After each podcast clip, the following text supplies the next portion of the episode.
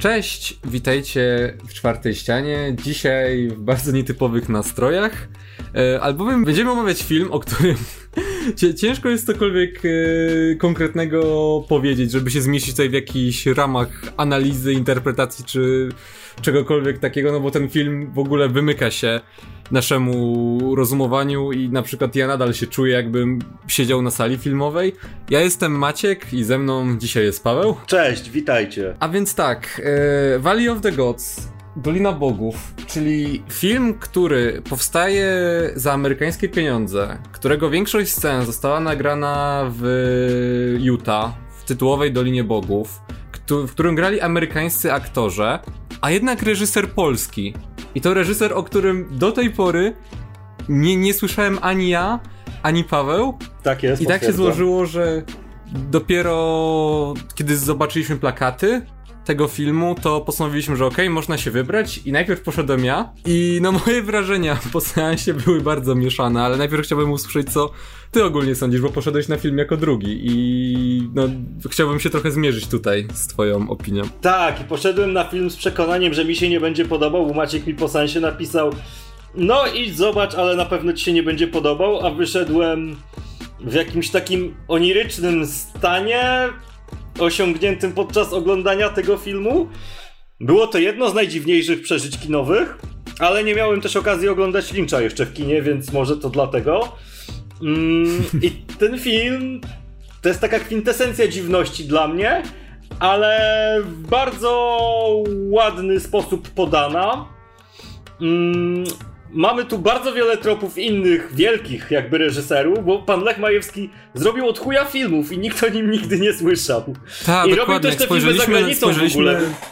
Spojrzeliśmy na jego film weba, w sensie na jego profil na film webie i tam e, patrzymy po tych tytułach i no te filmy są już e, no, no stare. Gość w ogóle ma 67 lat, urodził się w Katowicach i do, do tej pory jakby, nie wiem, to, czy to jest twórca zwyczajnie niezależny i te, te filmy obejrzały może trzy inne osoby na świecie, ale jak potem czytałem różne opinie na temat e, jego filmów, zwłaszcza właśnie w Stanach Zjednoczonych czy po jakichś festiwalach, to mówiło się o tym, że ten gość w ogóle jest e, odkryciem największym e, tej dekady. Że to je, niektórzy nawet mówią, że to jest następca e, Kubricka pod względem tego, jak buduje atmosferę swoich filmów i jak e, wiele, pod wieloma kątami można interpretować jego twórczość. A tak, Dolina ja, Bogów... ja, tu, ja tu wcale nie widzę przesady, dlatego że film Dolina Bogów to jest takie właśnie wymieszanie jakby Kubricka z trochę pijanym Lynchem, z... Trochę z Gilamem. Trochę z Gilamem, trochę z Aronowskim. W tym filmie jest mnóstwo wszystkiego. W ogóle ten film mógłby się nazywać równie dobrze Symbolika The Movie albo Metafora The Movie, bo to jest tak jak wiecie, jak no e, tak. powstawały atomówki, nie? Że profesor X dodał tam łakocie, słodkości i inne pyszności i na koniec miał dodać tylko kropelkę tego związku X, żeby to zagęścić, żeby to miało, wiesz, ten smak dodatkowy. Ale Tutaj, się zapomniał ups. i wpierdolił tam całą, całą butelkę, dwa litry, wiesz, tego związku X. I tutaj pan Lech Majewski jakby zrobił to samo. Chłop, zrobił... chłop wygląda jakby po prostu e, no, chciał e, całą esencję kina zmieścić w jednym filmie. I... Tak, no zrobił dokładnie to, co ja robię, e, jak biorę sobie do jedzenia tajski smażony ryż z krewetkami. To znaczy, cały smak tego dania zarzucam sosem sriracha. I tutaj metaforą sosu sriracha jest metafora i symbolika w tym filmie jakby. Ale nawet właśnie gorzej, bo kiedy on, znaczy czy gorzej czy lepiej, to już zależy od tego w jakim kinie gustujecie, czy raczej wolicie kino nastawione na narrację, czy raczej takie, gdzie ta narracja no służy temu, żeby siąść i się zastanowić nad tym, co się właściwie ogląda, bo to te, ty powiedziałeś o, o tym daniu z krewetek, to, to był tak, jakbyś ty wziął to danie z krewetek, zrobił je, przemieszał parokrotnie, po czym postawił przed kimś ten taki parujący garnek i powiedział no to teraz stary powiedz mi co tu wrzuciłem. Jak, jakich konkretnie składników użyłem. Tak. Ten, ten, ten, film jest tak dziwny i w zasadzie sam w sobie jest jedną wielką metaforą, gdzie oglądając go mm, jakby mniej skupiasz się na tym, co oglądasz, bo nie masz w zasadzie czasu, żeby się, się temu przyjrzeć. Od razu, kiedy jest przed tobą jakieś ujęcie, przy czym one są raczej długie, to jest powolny film, nie tak, żeby on się O, wlókł jakoś bardzo. Przepraszam, że ci przejmę, wie, przerwę. Wiem, czy co jeszcze mi przypominał ten film. Ten film mi bardzo mocno przypominał szatańskie tango Beliego Tara.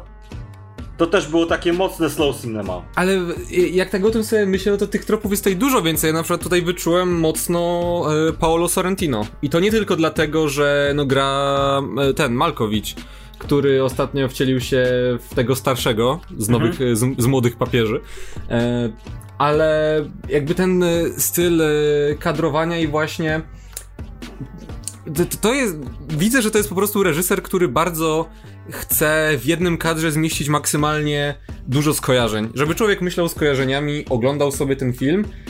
I nie ma szans, żeby to podczas jednego seansu jakby przetrawić wszystko. Tutaj może będzie, to będzie ten film, który będzie się potem wypożyczało na DVD albo się na jakimś, na jakimś Netflixie, oglądało i się analizowało kadr po kadrze, robiło się co chwila stop klatkę i się myślało, że okej, to jest metafora tego, tutaj wdarła się taka i taka symbolika, tutaj są takie nurty, To masz dokładnie tak jak, tak jak Lynch. Ja tak robiłem z Mulholland Drive i z zagubioną y, autostradą, mając lat, nie wiem, 15 czy 16. No, I już o tym ja właśnie, tutaj opowiadałem, więc nie będę ja właśnie no, ale... dopiero teraz zaczynam moją przygodę z Lynchem od niedawna i za namową chłopaków obejrzałem Zagubioną Autostradę i e, miałem bardzo podobne odczucia. W ogóle tuż po seansie też e, stwierdziłem, że te identyczne odczucia miałem, kiedy po raz pierwszy oglądałem Odyseję kosmiczną Kubricka. I to nie chodzi mi nawet o to, że film ma jakąś, e, mieści się w podobnej tematyce, tylko podobnie nie wiedziałem za bardzo co myśleć. I dopiero potrzebowałem chwili czasu, żeby to sobie wszystko w głowie przetrawić. I w ogóle, no to jest tak dziwny film i tak dzi- trudno jest go e, analizować. Na pewno nie jest on dla typowego niedzielnego widza. Wiem, że na poprzednim e, festiwalu w Gdyni ten film zrobił furorę i wszyscy o nim mówili, ale musieliśmy poczekać prawie rok, żeby trafił do kin. No i wreszcie trafił. Wiem, że też e, stał się bardzo popularny za granicą i że zrobił furorę w Stanach. Zarówno różni reżyserowie filmowi, jak i producenci, którzy współpracowali z Majewskim, mówili, że to jest e, człowiek e, niebagatelny, z którym praca jest zupełnie inna niż z jakimkolwiek e, innym reżyserem, który ma swój własny styl pracy. I tutaj bardzo to widać. Tak, no ja rzucę jeszcze anegdotką e, odnośnie tego, że ten film był trochę kiepsko promowany, bo zwiastuny pokazywały film, który mógłby być dla każdego i e, ja byłem w niedzielę wieczorem na seansie, ze mną na sali było 7 osób, z czego mniej więcej w połowie filmu z 5 osób wyszło. I to też pokazuje, że no faktycznie ten film nie jest dla każdego i że był dosyć kiepsko marketingowo, y, przynajmniej u nas w Polsce, reklamowany. To jest w ogóle film, który e, mam wrażenie, że to jest. I on i tak nadaje się tylko do tego, żeby go oglądać albo w domowym zaciszu, kiedy ma się chwilę, żeby nad tym wszystkim sobie pomyśleć, albo w kinie studyjnym, bo ludzie mają jakąś taką tendencję, że kiedy idą na jakiś film e, do multiplexu i mają wielki ekran, mają zapach popcornu, wielką salę pełną ludzi, chociaż wątpię, żeby na ten film ktokolwiek jeszcze poszedł, to tak czy siak y, mają większą tendencję do tego, żeby raczej się zastanawiać nad tym, dlaczego tak to jest skonstruowane. I gdybym to obejrzał w Cinema City na przykład, czy w innym multikinie, to pewnie bym pomyślał, że to jest jakiś żart i nie wiem, może eksperyment społeczny, może na sali są jakieś kamery, które będą obserwowały moje reakcje, a w kinie studyjnym ogląda się to po prostu jak typowy art house. I jest to kino takie bardzo niezależne, gdzie z jednej strony budżet nie jest jakiś strasznie mały, no patrząc na obsadę, to znalazło się tam parę e, ówczesnych czy współczesnych gwiazd Hollywood, bo tam jest właśnie i John Malkovich, i jest Josh Hartnett, który w ogóle się nie spodziewałem, że on jeszcze wróci z emerytury aktorskiej. On grał w czymkolwiek ostatnio. Chyba nie. Ostatni Chyba raz go nie, w Pearl Harbor widziałem. No. E, w ogóle jakbym miał do czegoś porównać ten film, to to było takie pierwsze moje skojarzenie, jak wyszedłem z Sansu, to bym to porównał do e, źródła od Aranowskiego, do tego filmu z e, Hugh Jackmanem. I trochę no, może do Mister. I trochę może do Mister Nobody z Jaredem Leto. Był taki film, e, który wyreżyserował Sorrentino, o którym przed chwilą wspomniałem, e, sprzed dwóch lat, który nazywał się Loro, czyli Oni. I bardzo jest podobna atmosfera w tym filmie. Taka nieco oniryczna, W sumie nawet bardzo oniryczna, bo ten cały film mam y, wrażenie, oglądając go, jakby to był jakiś sen, gdzie bym siedział po prostu z głową w chmurach. Ale czasami ten sen się przeistacza w taki koszmar, z którego bardzo by się chciało uwolnić, bo tutaj jest z jednej strony. W ogóle film zaczyna się bardzo pięknie i zaczyna się w taki nostalgiczny sposób, bardzo. E, jakby to powiedzieć. Taki bardzo delikatny, jak zaczynamy od świtu, budzącego się nad tytułową Doliną Bogów, e, ziemi Indian Navajo, ale też co jakiś czas potem pojawiają się takie bardzo niepokojące obrazki, podczas których e, aż czułem się niekomfortowo na sali i rozglądałem się niepokojąco po niej. Czy to tylko ja odnoszę takie wrażenie? A potem się okazywało, że na sali oprócz mnie siedzi tylko jedna typiara i ona chyba zasnęła. Może ten film nie był dla niej. E, no ale właśnie przez to, że ten film był e, taki dziwny, no to oglądałem go z zainteresowaniem do samego końca. Jakby na sam koniec to tempo trochę zwolniło i trochę rozłaziło się moim zdaniem, ale przez e, większość czasu raczej intrygowało mnie po prostu to, co oglądałem. W ogóle mi się najbardziej w tym filmie podobał e, trop popkulturalny do Batmana. Który? A, z, z gościem, który chodzi po ulicach, tak? Z Johnem Malkowiczem. Z Johnem Malkowiczem, który jest piekielnie bogaty i ma swojego Alfreda i swoje psy i mieszka w swojej jaskini, tylko że ta jaskinia nie jest pod wodospadem, tylko kurwa w chmurach jedzie do niej windą ukrytą w ścianie. Czy tam długim, tam e... była gigantyczną limuzyną, która ciągnie się jak e, wąż. E... Tak, limuzyna, która wygląda jak wąż też była przedziwna. E... I schodzi sobie na dół udając włóczęgę, żeby zaznać trochę tego życia, kiedy był jeszcze faktycznie włóczęgą. Kolekcjonuje jakieś stare puszki czy coś. To, to miałem takie bardzo, bardzo mocne skojarzenie do, do Batmana, szczególnie jak pojawił się ten właśnie jego lokaj i o, paniczu, coś tam, coś tam. Pani Czuchart, pani Czuchart, garnitur dla pana Juszczeka, tutaj mamy dla pana wszystko przygotowane. No. Został pan wybrany spośród paru tysięcy ludzi, żeby porozmawiać tutaj z panem Taurusem. E, w ogóle ten film się też bardzo śmiesznie ogląda, bo no właśnie wzorem na przykład e, Kubricka czy bardziej współcześnie e, tego Lantimosa, ten film jest podzielony na rozdziały.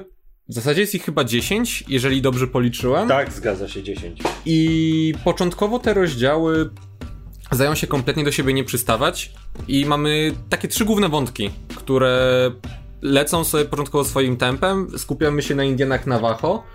E, to jest w ogóle też fajne, że Indian zagrali faktycznie Indianie i konkretne jakby na przykład grupy taneczne, które kultywują ich zapomniane tradycje też pojawiają się w tym filmie, więc to się chwali. E, ale mamy też właśnie wątek tego Batmana, Malkowicza, o którym mówisz. No i jest jeszcze ten trzeci. Tak, wątek pisarza. Niespełnionego pisarza, który radzi sobie z traumą po rozstaniu z żoną. Ej, w ogóle to był na początku tak wspaniały wątek. Ja tak tam widziałem Gilliama, gdzie gość siedzi u psychoterapeuty i psychoterapeuta mówi mi, znaczy mówi psychoterapeucie, że świat to jeden absurd. I psychoterapeuta mu radzi zrobić coś jeszcze bardziej absurdalnego, żeby wyłamać się z tego absurdu, na przykład, nie wiem, pójść na spacer z garnkami swoimi. I gość faktycznie bierze, kurwa, garnki, patelnie, przyczepia sobie sznurkiem do nogi i idzie się wspinać po jakimś kanionie z tymi garnkami. Albo no, chodzi z zawiązanymi wiesz, oczami te garnki, tyłem te, te garnki będą. Bo cały ten film jest jakby absurdem i myślę, że to jest takie bardzo ładne wprowadzenie. Ale sam fakt tego, że aktor, terapeuta, e, John Ryan Davis, że udało się ściągnąć Gimliego z zaświatów, żeby jeszcze tutaj zagrał taką małą rulkę. Ale to był gość, co grał Gimliego? No tak, bez kitu. Po, o po, matko, nie zwróciłem w ogóle uwagi Po wzroście pewnie nie poznałeś. E, znaczy to jest tak marginalny występ, a z drugiej strony dużo wznoszący do filmu, bo wierzcie mi, to jest... Nie, to nie jest film, na którym dobrze jest, nie wiem, co jakiś czas zerknąć w telefon, bo przegapicie coś ważnego, co potem jeszcze wróci. I mówię, są trzy wątki, które i tak finalnie się przeplatają ze sobą, jakby okazuje się, że one Ale próbują... nie łączą się jakby w bezpośrednio. Nie, nie, ale no właśnie przez to, że to jest... E, no od, od początku to jest e, powiedziane, nawet w kampanii marketingowej mówiono, że to będą trzy historie, e, które można sobie po swojemu ułożyć tak, żeby dawały jakąś konkretną interpretację na koniec, żeby jak chce się stworzyć już jakąś konkluzję po obejrzeniu tego filmu, no to żeby była tym podbudowana.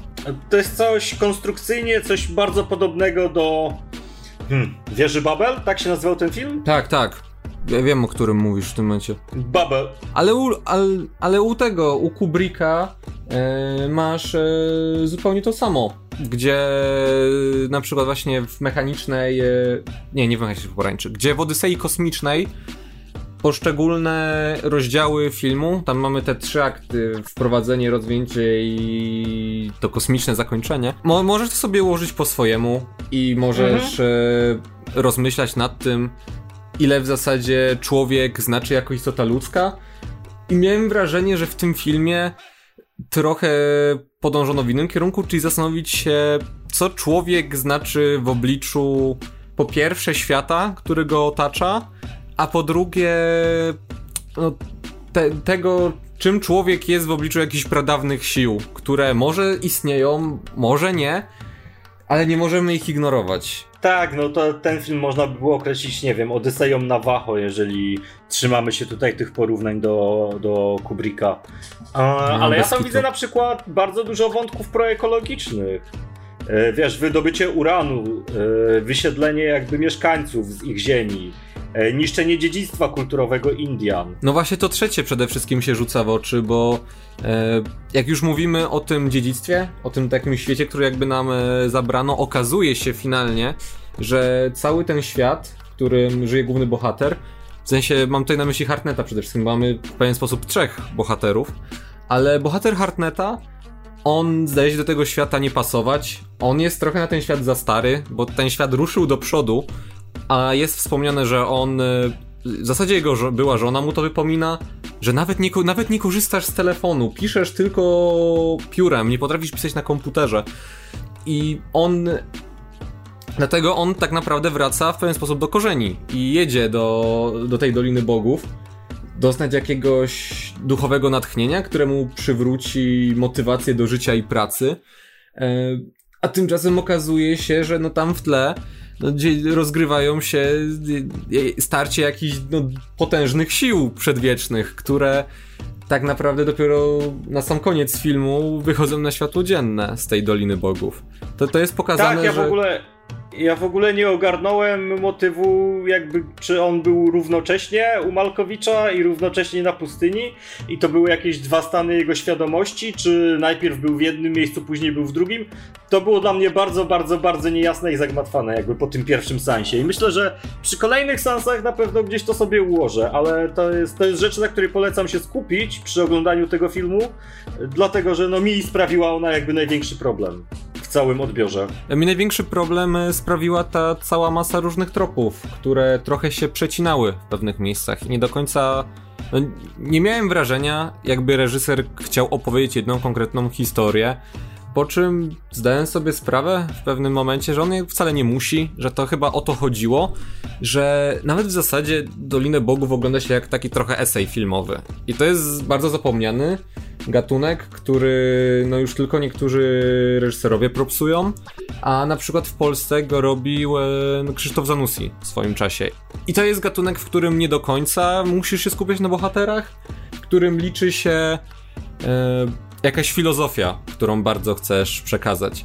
Ale do, jakby do samego końca nie wiedziałem, jaka to filozofia konkretnie będzie, w jaką stronę to podąży i co mam do cholery myśleć o tym filmie. Tak, ale to wynika też z tego, y, że jesteśmy w jakiś tam sposób ograniczeni kulturowo w kontekście właśnie legend i mitów i wierzeń Indian Navajo, bo lwia część filmu to są właśnie te wierzenia i dziwne rzeczy pod tytułem Skała rodzi dziecko, które jest ciężkie jak głaz i żaden człowiek nie może go podnieść i muszą sobie ogarniać dźwig, żeby to dziecko podnieść w kołysce.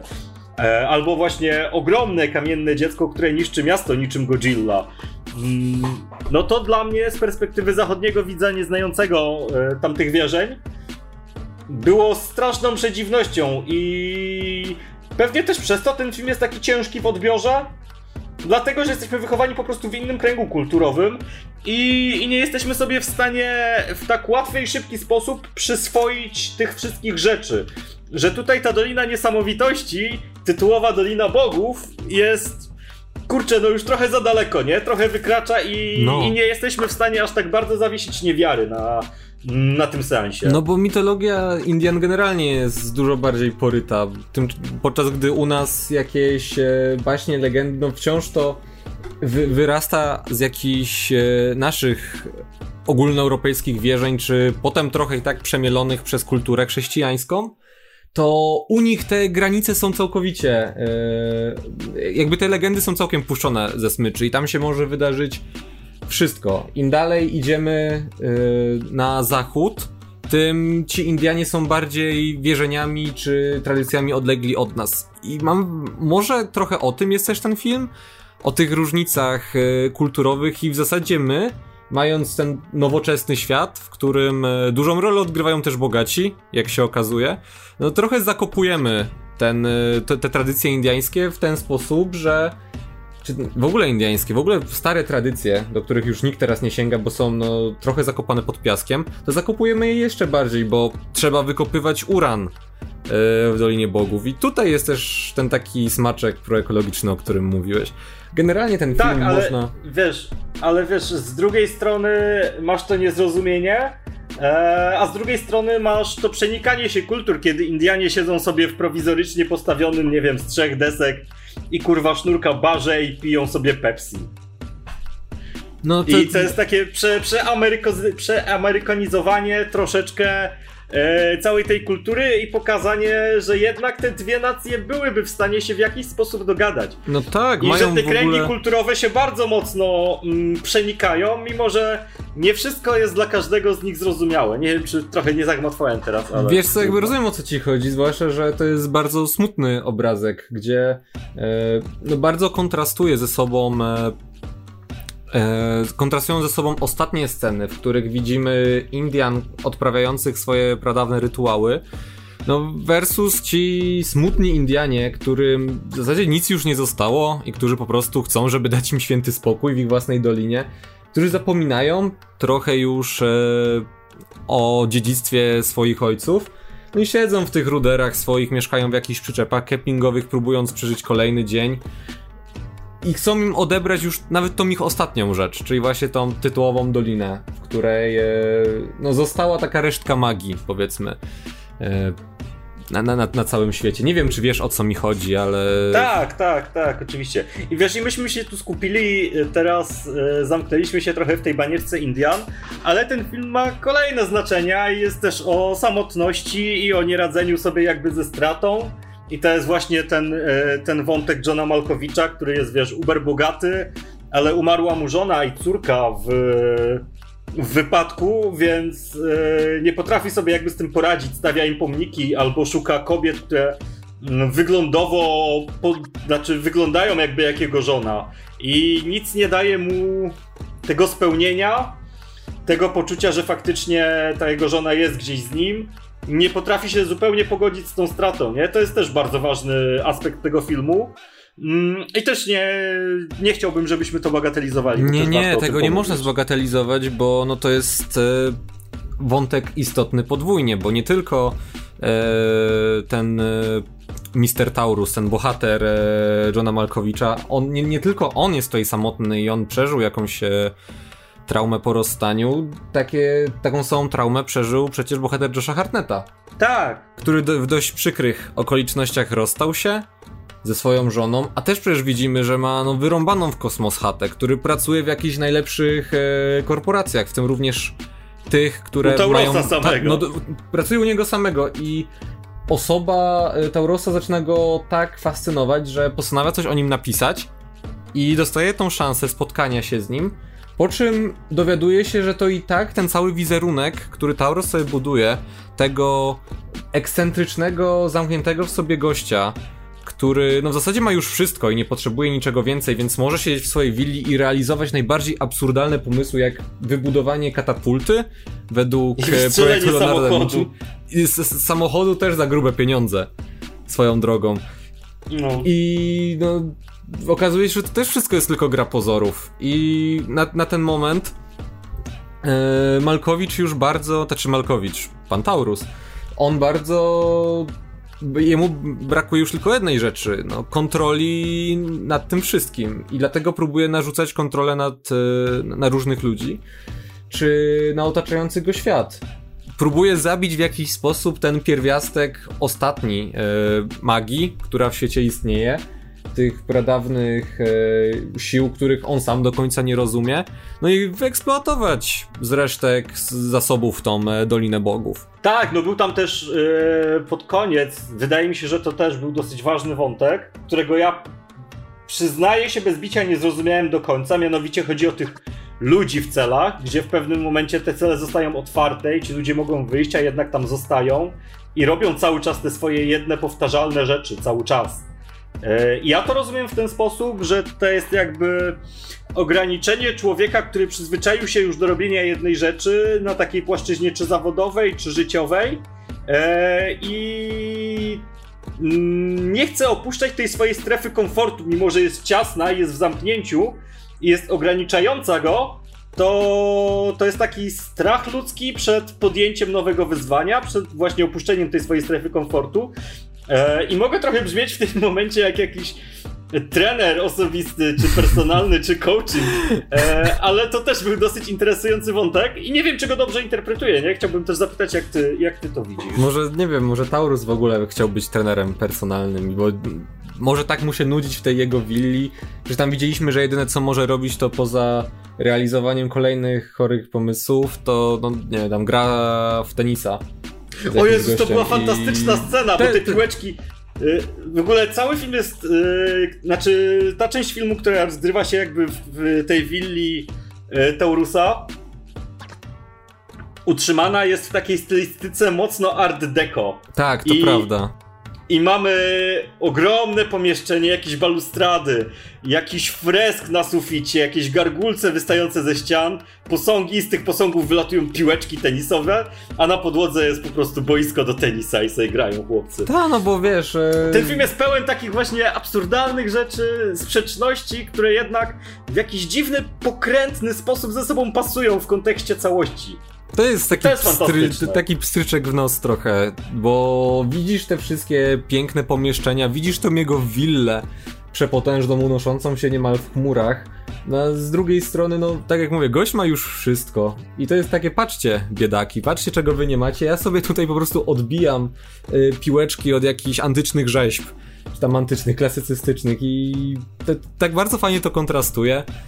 A wracając do tych, e, nazwijmy to klatek, o których mówisz, e, to jest moim zdaniem bardzo fajna metafora najzwyczajniej ról społecznych, bo role społeczne to jest coś, Też, co no, trochę jest, to jest coś, co nie jest wybrane przez nas, jest to w pewien sposób narzucone przez społeczeństwo, czy warunki, w których się rozwijamy. No, nie decydujesz o tym, czy jesteś czyimś, nie wiem, synem, czy córką, po prostu jesteś synem czy córką, czy jesteś to, w jakiej rodzinie się urodzisz majątkowo, może w jakiś sposób cię uwarunkować na przyszłość, chociaż nie do końca, bo widzimy, że Tauros e, zaczynał jako biedak chodzący po ulicy, a wystarczy łód szczęścia i jedna, e, jedna pełna dolarów e, torba, żeby zbudować na tym gigantyczną fortunę. Chociaż to też mam tak. wrażenie, że z tą torbą to jest po prostu takie fajne wytłumaczenie, że no potrzebował Tauros mieć jakąś historię interesującą mhm. na temat tego, jak e, po to też buduje to całe, całe swoje muzeum, nie?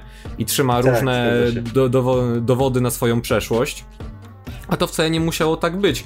I mam wrażenie, że ten film jest po prostu jedną wielką taką krytyką współczesnej rzeczywistości, gdzie ludzie wpadają w rutyny, ale kiedy dostają szansę, żeby z nich wyjść, no to niekoniecznie to robią, bo tak jak mówisz, siedzą, mają swoją strefę komfortu i nie chcą poza nią wychodzić, boją się zaryzykować. A Josh Hartnett, który miał również prawie wszystko, jest gotowy to zrobić i na, wysilić się na ten absurd, o którym e, tyle się mówi w tym filmie. Tak, no ja mam wrażenie, że, że ten film to jest taka jazda bez trzymanki po meandrach ludzkich zachowań i ludzkich umysłów, e, podana w bardzo absurdalno-symbolicznym sosie. I jest to coś, co mi osobiście bardzo odpowiada mm, i podobało mi się. Bardzo mi się podobało. Tak reasumując już te pierwsze wrażenia, które się rozmyły jakby w ogóle w tą rozmowę. Mm, bardzo mi się podobało, tak już. A ja sam nie wiem, czy mi się podobało. W sensie jakby może powinienem obejrzeć ten film jeszcze raz i pewnie to zrobię prędzej czy później. Jeżeli będą to jeszcze chwilę grali, pewnie skoczę do mojego studyjniaka pobliskiego jeszcze raz E, bo no to, to jest właśnie film, na którym trzeba cały czas myśleć i jest to wymagające dzieło, które od człowieka już wymaga trochę intelektu, wymaga od niego e, otwartości różne pomysły, no i znajomości jednak tych wszystkich tropów kulturowych, o których mówimy, bo ktoś, kto się tym ani nie interesuje, ani nie jest otwarty na nowe doznania, na tym filmie się albo zanudzi, albo stwierdzi, że straszne gówno, bo no, nic nie zrozumiał. Bo, a skoro nie zrozumiałem, to znaczy, że reżyser nie potrafi tego pokazać w jasny sposób. Ta, ta, mhm. ta, tak sporo ludzi by stwierdziło. E, ja się trochę odbiłem za pierwszym razem, no bo to nie było coś, czego się spodziewałem najzwyczajniej w świecie. Bo nie wiedziałem, czego się spodziewać. E, I bardzo dlatego liczę na kolejne seanse. Na pewno też będę musiał odświeżyć sobie po raz pierwszy zresztą jakieś e, no, poprzednie dzieła Majewskiego. Bo z tego co właśnie no, widzimy... No może wtedy, wtedy wyłapie się jakiś tam szerszy kontekst, nie? Tego jak on w ogóle robi rzeczy. No, gdyby to był jakiś debiutant, to byśmy założyli, że to jest po prostu jakiś e, świeży, odkrywczy pomysł, a jeżeli widzimy, że chłop podchodzi pod 70, no to może być tak, że no, najzwyczajniej w świecie chciał też jakoś podsumować swoją twórczość. Mam nadzieję, że nakręci jeszcze jakieś filmy, bo ja go odkryłem teraz po raz pierwszy i mam nadzieję, że zaskoczy mnie jeszcze czymś. No ja też miałem yy, troszeczkę podobne wrażenia kinowe jak przy Lighthouse w sumie.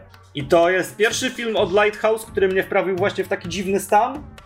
Też na pewno będę go oglądał i, i fajnie, że poznałem Majewskiego, fajnie, że mogę teraz sobie posprawdzać jego starsze rzeczy i na pewno to zrobię i pewnie sobie nawet o tym pogadamy kiedyś jeszcze. Re retrospektywa Majewskiego, już widzę te nagłówki na naszej trzy, stronie. O trzy osoby kurwa to obejrzą. Nieważne. I te trzy osoby to dwie, dwie z tych trzech to będziemy my. po to, tak. żeby zobaczyć, wiesz, sobie pointerpretować to, co on tam tworzy. Tak, dokładnie to jak nam wyszło. Zgubiłem wątek. Aha, no, że mm, tak, no wrażenia były podobne jak z Lighthouse. Mm, I na ten moment jest to jeden z lepszych filmów, jakie widziałem w tym roku. Co prawda, no, zbyt dużej konkurencji to, to, to nie ma, no bo ten rok wygląda tak, jak wygląda. E, ale, ale liczę, że w sezonie nagrodowym e, Oscarowym też go trochę docenią. Byłoby miło, jakby się pojawił w kategorii najlepszy film, nie anglojęzyczny. Zwłaszcza, że no, tak jak mówiliśmy, on... Ale on jest anglojęzyczny. Znaczy, no to w sumie tak, mimo tego, że reżyser e, nie ten, jakby. I te, też fajnie, że Amerykanom się spodobał, bo oni są, wbrew temu co by się wydawało, na tematy, zwłaszcza około indiańskie. E, oni są bardzo wrażliwi, bo oni jednak trochę się wstydzą za to, jak tą kulturę zagrzebali. No trochę tak jak niektórzy u nas mają wrażenie, że e, wchodząc w krąg kultury europejskiej nieco zabiliśmy, nasze słowiańskie korzenie, no tutaj już się można kłócić. I fajnie, że jednak Majewski ten e, film nakręcił w Stanach, a nie w Polsce, bo pewnie gdyby go nakręcił w Polsce i powiedzmy Mister Taurus nazywał się, nie wiem, Pan Bykowski i e, nie byłaby to Dolina Bogów, tylko Dolina Pięciu Stawów w Tatrach, to w tym... Albo ten, trzech stawów w Katowicach, bo bliżej by pan Majewski o, miał, żeby co kręcić. Nie? Ale w ogóle ten film, jak tam patrzyłem, był kręcony w pobliżu też Katowic, tam w Pszczynie, był chyba kręcony w tamtejszym Serio? zamku. Tak. O. E, byłem kiedyś w Pszczynie, bardzo sympatyczne miejsce. E, Spoko ale, zamek mają. No, gdyby ten film powstał w Polsce stricte na polski rynek, nawet z zagranicznymi aktorami, bo zdarzało się już tak, że przecież... Ej, totalnie stary, przepraszam, że ci przerwę. Totalnie widzę, jakby pana Taurusa grał kurwa Piotr Adamczyk, a tego głównego protagonistę indiańskiego grał kurwa Tomasz Karolak. Oglądałbym. Trzy razy chętniej w sumie niż to, co zobaczyłem. No trzy razy chętniej, bo to jak, jak, na nasz, e, jak na nasze warunki kinowe, jakie w kraju mamy i nasze oczekiwania, to byłoby to coś jeszcze dziwniejszego i byśmy w ogóle klaskali, że ktoś miał odwagę coś takiego zrobić, tylko że wtedy te, ten, tego filmu nikt by nie obejrzał. I no. byś nie, nie miałby nie byłoby takiego poklasku, nie poniósłby się szerokim mechem, a tak to faktycznie może ma jakieś szanse na Oscary. Zwłaszcza, że i obsada tam pierwszorzędna, zwłaszcza, że i e, realizacja moim zdaniem stoi na całkiem wysokim poziomie, chociaż miałem mały problem ze zdjęciami, bo mamy zarówno piękne ujęcie statyczne, zwłaszcza początek, kiedy w Dolinie Bogów budzi się nowy dzień i mamy tu takie różowe niebo i ni niczym w jakichś filmach o Boże, jak nazywał się ten reżyser, który robił Midsommar? Pamiętasz może? E, Ari Aster. Niczym w filmach Ariego Astera, e, cienie e, skał, czy same skały opatulone mrokiem przypominają ludzkie postacie czy twarze od, e, w takich groteskowych, e, z takimi groteskowymi minami. Te, ale jak już przychodzi do jakichś scen w ruchu, to miałem wrażenie, jakby to było nakręcone bardzo amatorsko Chociaż wiem, że to nie jest pierwsza współpraca tego operatora z reżyserem i on też yy, jest chwalony yy, w, swojej, w swojej branży. No, nie widziałem innych filmów Majewskiego, więc ciężko jest mi powiedzieć. Czy to jest Wiesz taki to, no, standard? No, na mnie zdjęcia zrobiły ogromne wrażenie, zarówno właśnie te statyczne, jak i dynamiczne, bo dynamiczne, nie wiem czy zauważyłeś, bardzo często były e, kręcone na długim bardzo ujęciu. E, tylko, że z perspektywy jakby dwóch kamer, nie? Dwóch miejsc pokazujących tę samą sytuację.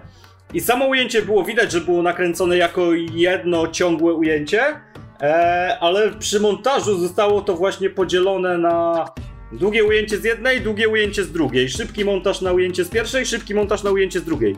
I to mogło powodować to, że ty czułeś ten jakiś taki powiedzmy dysonans, czy pewną amatorskość, może, bo eee, szybki montaż. A mi wydaje się, że to był bardzo zawsze. celowy. Za... Mi wydaje się, że to był bardzo celowy zabieg, zresztą ja bardzo lubię szybki montaż, więc, więc tu trafił totalnie w moje gusta. No i kurde, obrazki są piękne. Yy, bardzo dużo jest tam naturalnego światła, przynajmniej takie odniosłem wrażenie. Yy, tak jak tak, mówisz, porównanie nie, do mi... Nie wydaje się, jakby ten e, obraz był później bardzo dostrajany yy, mhm. w komputerze przy montażu.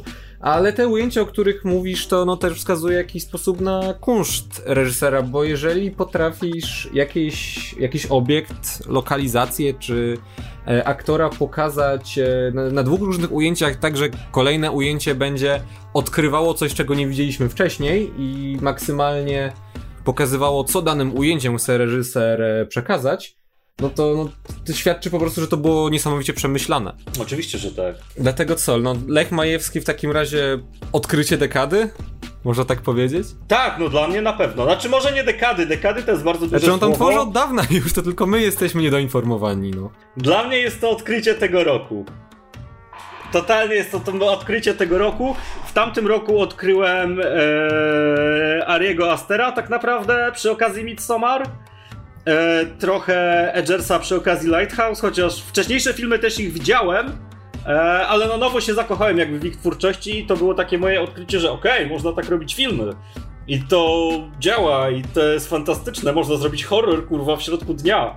I czujesz Możesz to zrobić napięcie. horror w, la w, latarni morskiej, a możesz tak. zrobić po prostu historię. A możesz zrobić e, historię, która się wymyka granicą wyobraźni, jak właśnie Dolina Bogów Majewskiego. Myślę, że to trochę też o to chodziło. Więc tak, no dla mnie to jest odkrycie tego roku. Dekady nie, natomiast roku jak najbardziej. Chyba, że coś mnie jeszcze bardziej zaskoczy. No zdecydowanie, bo w tym roku przez to, że no tak jak mówiłeś, nie mieliśmy szczególnie dużej konkurencji, to no, nie było jeszcze filmu, który mnie w jakiś sposób e, zaskoczył do tego stopnia. I aż żałuję, że nie udało mi się w zeszłym roku pojechać e, do Gdyni i go obejrzeć tam e, na sali z jakimiś dziennikarzami, bo e, jestem bardzo ciekaw, jakie reakcje byłyby wtedy. Nie mówiło się o tym filmie szczególnie dużo u nas, raczej mówiło się wtedy w pozytywach samych, na przykład o Bożym Ciele, bo było blisko do Oscarów i myślano, że Boże Ciało może na te Oscary jakoś się dostać. Była cała masa innych polskich filmów. W tym roku większość e, produkcji z naszego rodzimego rynku została, została przesunięta na rok e, kolejny. Chociaż w październiku Wiesz zobaczymy... Co, no ja, czekam, ja czekam na dwa filmy w sumie z naszego rodzinnego rynku. Ale w tym roku? W tym czy... roku, tak, w tym roku. Czekam na e, Nową Szumowską, na ten film, który ma być naszym kandydatem do Oscara. Na te, tak. E, nie mam pojęcia jak się nazywał, bo gdzieś mi umknęła nazwa. E, I na nowy film Agnieszki hehe, Hochland. Holland, Hochland. Na szarlatana. Za, za, którą jakby ogólnie nie przepadam, ale właśnie przed Doliną Bogów miałem zwiastun. I to będzie vibe trochę jak Znachor, tylko że w realiach czeskich. I wyglądało bardzo intrygująco i chciałbym to obejrzeć, więc czekam. A Ja nie- reszta... Nie wiem jak Jak z, tą, z tym Hochlandem, bo z jednej strony nakręciła chyba ze dwa albo trzy lata temu fantastyczny Pokot, który właśnie był czymś takim, gdzie Znachor spotyka się z Olgą Tokarczuk i wychodzi bardzo ciekawy miszmasz. A z drugiej strony potem był Obywatel Jones, który no, był niestrawny i też w naszym kraju go nikt nie obejrzał, bo po prostu był strasznie nijakim kinem przeamerykanizowanym. Ej, Znaczy ja nie lubię ogólnie pani, pani Holland. E, Pokot był nawet ok, ale wydaje mi się, że nic ponad ok. Zdjęcia tam były bardzo piękne, no, ale cała reszta dosyć mocno. Stary, te e, karkonosze za, zawsze wyglądają ładnie, nawet e, gdziekolwiek nie zrobisz zdjęć. E, ja czekam na jeszcze jeden polski film w tym roku i na szczęście chyba go nie przesuną, chociaż nie wiadomo, może gdy zamkną kina to wyląduje dopiero w styczniu przyszłego. E, I to będzie Magnezja Maćka Bochniaka, który do tej pory nakręcił jeden film, e, również bardzo autorski, który bawił się kulturowymi tropami i to było Disco Polo. Jeżeli jeszcze pamiętasz, Disco Polo było super. E, Disco Polo było super, potwierdzam. więc e, jakby z samego tego faktu, no czekam na ten film, bo jestem e, no bardzo ciekawy, co tym razem gość e, zaserwuje, zwłaszcza, że to ma być e, western w realiach dwudziestolecia międzywojennego i pierwszy raz kurde. Dawid Ogrodnik i Jakub Gierszał spotkają się na ekranie. I ja czekam na ten duet, bo to będzie prawie jak Tony Stark i Steve Rogers.